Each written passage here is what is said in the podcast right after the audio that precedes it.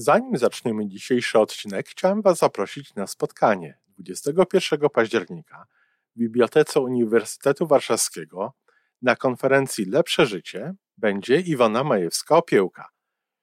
Będzie parę jej wykładów, będzie można sobie usiąść i porozmawiać przy kawie.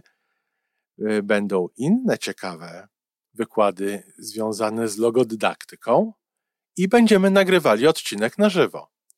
Po więcej informacji zapraszam na stronę Iwony majewska-opiełka.pl i tam w zakładce wydarzenia jest wszystko o tym wydarzeniu. Do zobaczenia. Jeśli się siebie kocha, to kocha się dla siebie, ale także po to, aby lepiej rozumieć innych i ich prawo do własnej miłości. Żyjmy coraz lepiej po raz 950.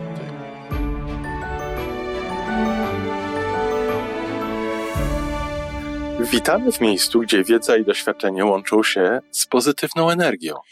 Nazywam się Iwona Majewska-Piołka. Jestem psychologiem transpersonalnym, wspierającym rozwój osobisty i duchowy. A ja nazywam się Tomek Kniat. Nie jestem psychologiem, jestem techniczny, jestem adeptem rozwoju osobistego, bardzo to lubię. Razem tworzymy podcast, właśnie ten, którego słuchanie powoduje, że naprawdę żyje się coraz lepiej. Wiemy to, bo tak nam mówią nasi słuchacze. Zapraszamy do wysłuchania kolejnego odcinka i mamy nadzieję, że nowe głosy dołączą do tych, że warto nas słuchać.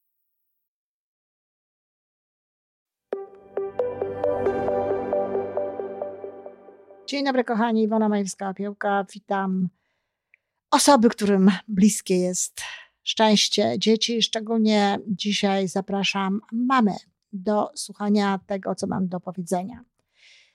Może zacznę od tego, co to w ogóle znaczy kochać siebie. Oczywiście w takim skrócie, bo wiadomo, że tutaj na ten temat można byłoby poprowadzić e, kilkugodzinną audycję, ale dziś już często ludzie wiedzą, co to znaczy, mówią o tym głośno i nikt się tego specjalnie nie wstydzi. Mówi, wie, wiemy o tym, że trzeba kochać siebie i to jest właściwe. Jednak to stało się dopiero niedawno, kiedy pod koniec ubiegłego wieku zaczęłam przyjeżdżać tak od 93 mniej więcej roku, zaczęłam przyjeżdżać y, do Polski e, z wykładami, z działaniami już to bardzo często pytano mnie, a czy taka miłość do siebie to nie jest egoizm? Czasami po prostu stwierdzałam, ależ to egoizm, narcyzm. I naprawdę obserwowałam sporo takich sceptycznych postaw przez kolejne lata. Dziś, jak mówię, wiele się zmieniło w tym temacie na lepsze, ale też i zmieniło się na gorsze. Dlaczego? Dlatego, że niektórzy nauczyciele życia trochę za wcześnie dochodzą do wniosku, że już mogą uczyć. Nie jest to tak, że wszyscy ze zrozumieniem i akceptacją przyjmują takie zalecenie i naprawdę czują o co chodzi, kiedy ktoś mówi: kochaj siebie. I faktycznie robią z tego jakieś kuriozum, robią z tego no właśnie sytuację, która absolutnie nie, nie jest e, autentycznym kochaniem siebie, tylko raczej, raczej zaspokajaniem swoich chęci, zaspokajaniem, zaspokajaniem tego, czego chce ego. Kochać siebie to znaczy rozlewać duszę po ciele, to znaczy e, pozwolić duszy wychodzić i poprzez duszę, no, temu, co, z czym dusza ma kontakt, wychodzić na ciało. Natomiast bardzo często to jest takie taka, takie, pam, wiecie, taki pampering, takie troszczenie się i takie, takie pieszczenie ego. I to pieszczenie ego nie jest kochaniem siebie. To jest ta część, którą nie jest mi tutaj najłatwiej wytłumaczyć często ludziom, ale jakoś daje radę. Jeśli się siebie kocha, to kocha się dla siebie, ale także po to, aby lepiej rozumieć innych i ich prawo do własnej miłości. Zatem to nie troska o ego, ale właśnie to wylewanie się duszy i lepszy kontakt z innymi osobami, lepszy kontakt, e, lepsza miłość, można powiedzieć, czy w ogóle dopiero miłość również do innych ludzi. Ja naprawdę nie wiem, czy można powiedzieć, że kocha się drugiego człowieka, nawet własne dzieci, jeśli nie kocha się, się siebie, jeśli nie kocha się siebie naprawdę.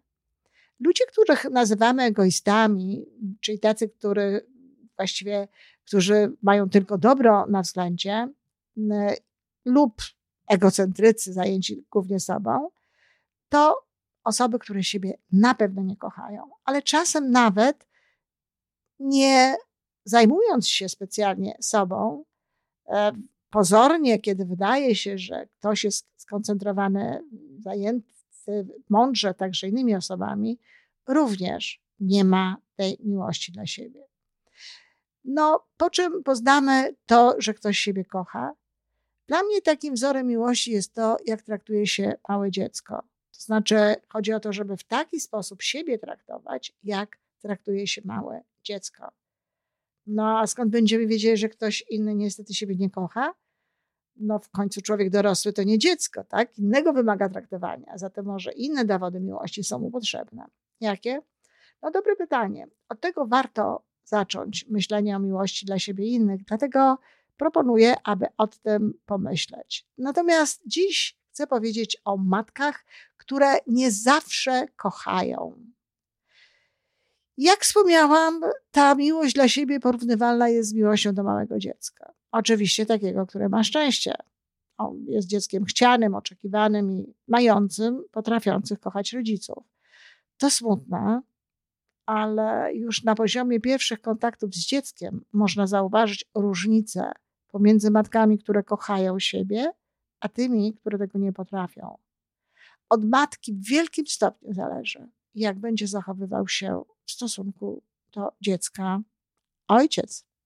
Czyli jeśli matka siebie nie kocha i to wpływa na relacje, z dziećmi, to ojciec również będzie funkcjonował w zgodzie z tym, co widzi. Czy to znaczy, że on także nie będzie dawał tej miłości? Nie, niekoniecznie. Zdarzają się takie sytuacje, że ojcowie przejmują w ogóle e, główną rolę przecież w dostarczaniu tej miłości. Ale ten element, to jak matka kocha, ma wielki wpływ. Matki, które nie, kochuje, nie kochają siebie, reagują, można powiedzieć, mniej więcej na dwa sposoby. Tak? Są to jakby takie dwie grupy. Pierwsza grupa objawia brak chęci do na przykład noszenia na rękach, e, zabaw z dzieckiem, czy ma też taką nieuświadamianą niechęć do karmienia piersią, która to zresztą objawia się czasem brakiem pokarmu, dlatego że oczywiście no, nasza podświadomość chętnie nam daje to, czego od niej jakby oczekujemy. I mówię, to może być nieuświadamiane.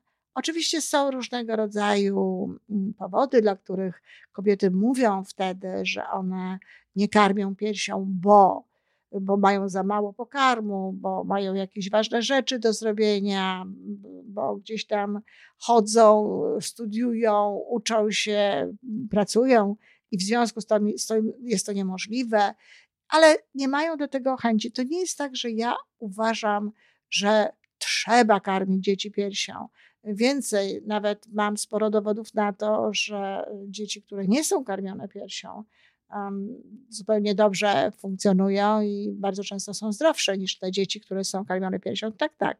Pozornie właśnie to jest dziwne, bo mówi się o tym, że e, tam dostaje się różne rzeczy, które system immunologiczny wzmacniają, a wcale niekoniecznie tak musi być, dlatego że to znowu zależy od tego, Y, jaka jest ta matka, tak? Co, co ta matka też jest w stanie temu dziecku zaofiarować. Ale faktem jest to, że kobiety, które siebie nie kochają, mają często właśnie wyzwania z tym, że nie mają pokarmu, bo tak naprawdę gdzieś w środku w nich nie ma tej chęci. Bywa też, że reaguje się z niecierpliwieniem, czy wręcz, wręcz krzykiem na jakieś nieco większe wymagania dziecka. Czyli takie kobiety bardzo często są szybko, ulegają szybko irytacji, bardzo szybko są poirytowane. Kobieta, która kocha siebie, która jest ze sobą przyjaźni, jest zdecydowanie spokojniejsza w stosunku do dziecka.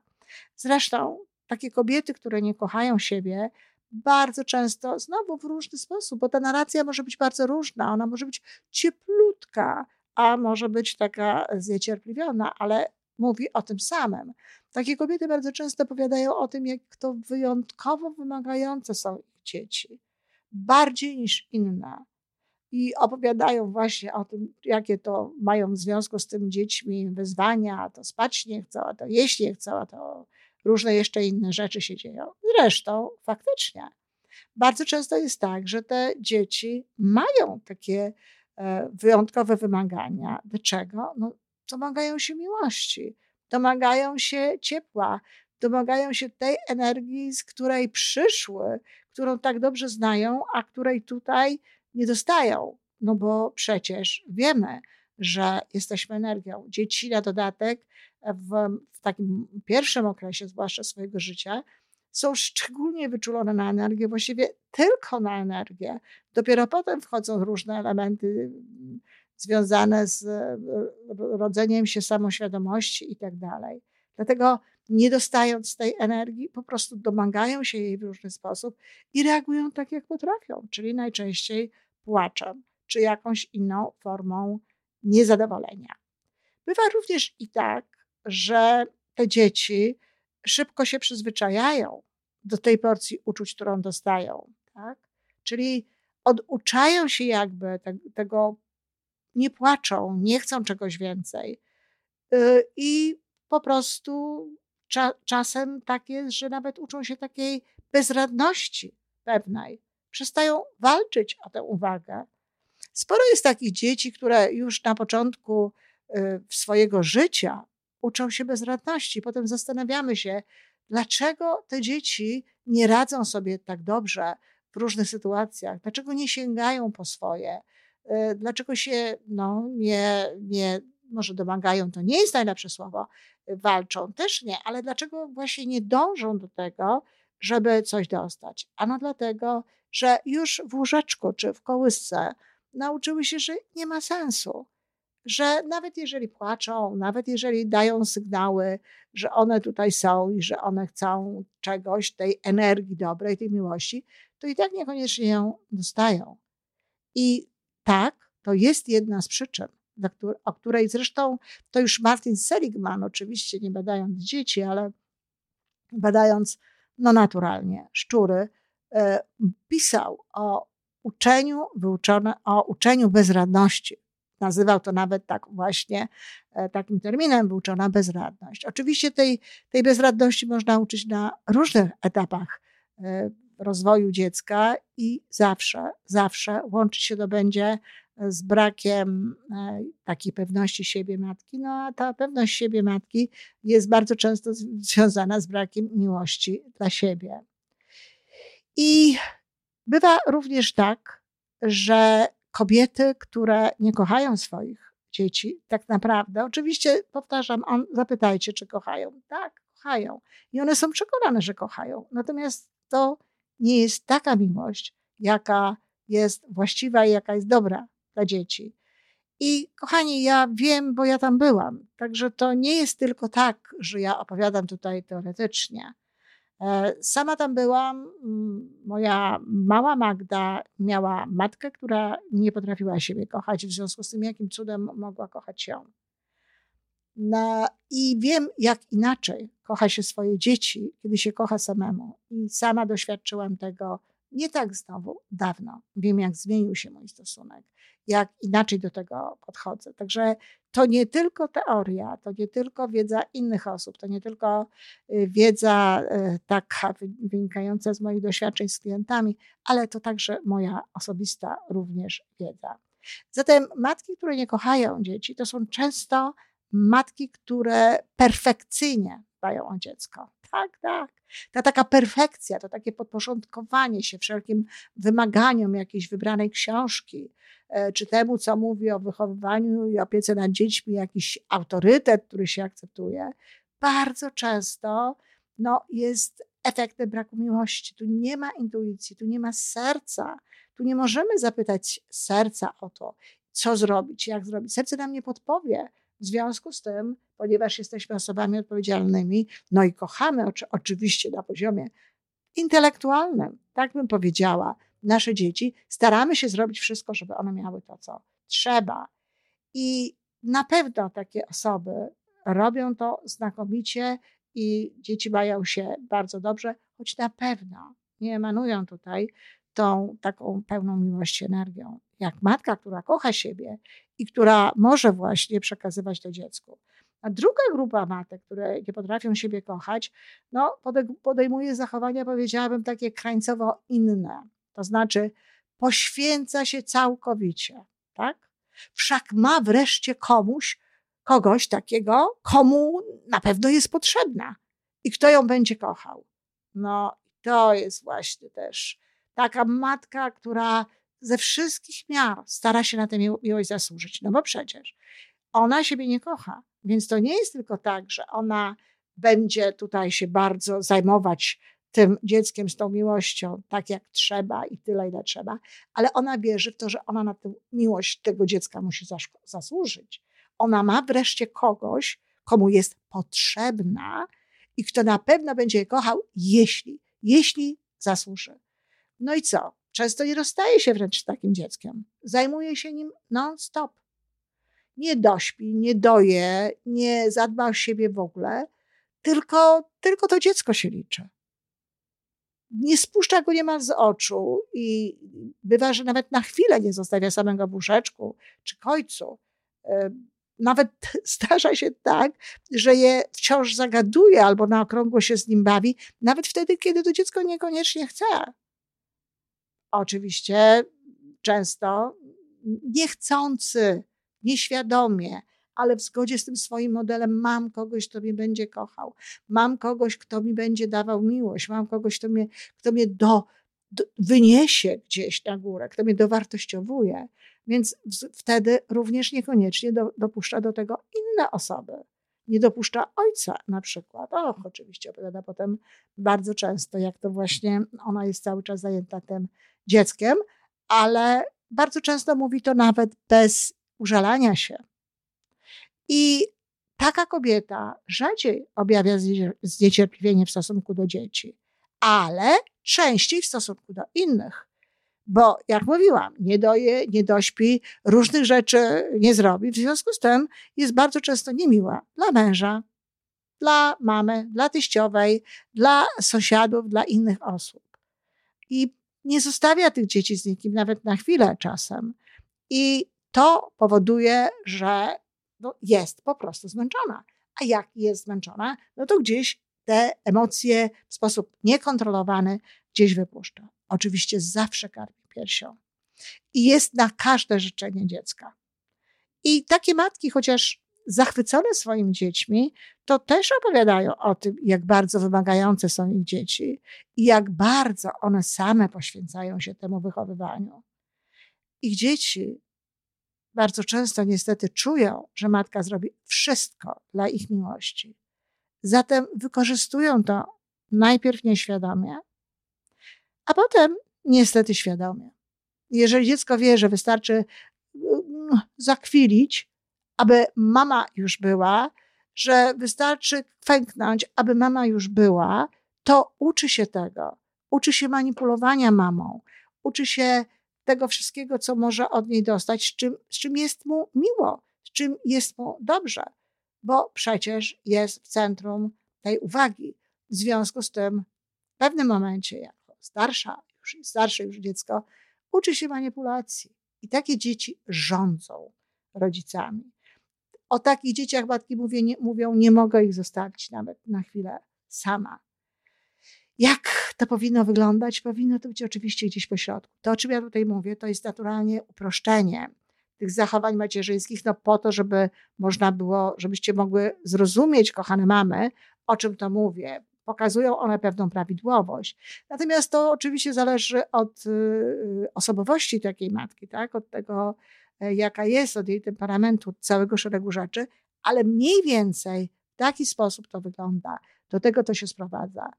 No, a jak zajmuje się dzieckiem matka, która siebie kocha i która e, jest e, no, jednocześnie związana z dzieckiem taki sposób, żeby to, tę miłość swoją z siebie przekładać na inne dzieci, na innych ludzi i w tym wypadku na swoje dziecko, na tych ludzi, których kocha. O tym w następnym odcinku. Dziękuję, do usłyszenia. To wszystko na dzisiaj. Jeżeli podoba Ci się nasza audycja, daj jakiś znak nam i światu. Daj lajka, zrób subskrypcję, napisz komentarz, powiedz o nas innym. Z góry dziękujemy. Razem możemy więcej. Do usłyszenia.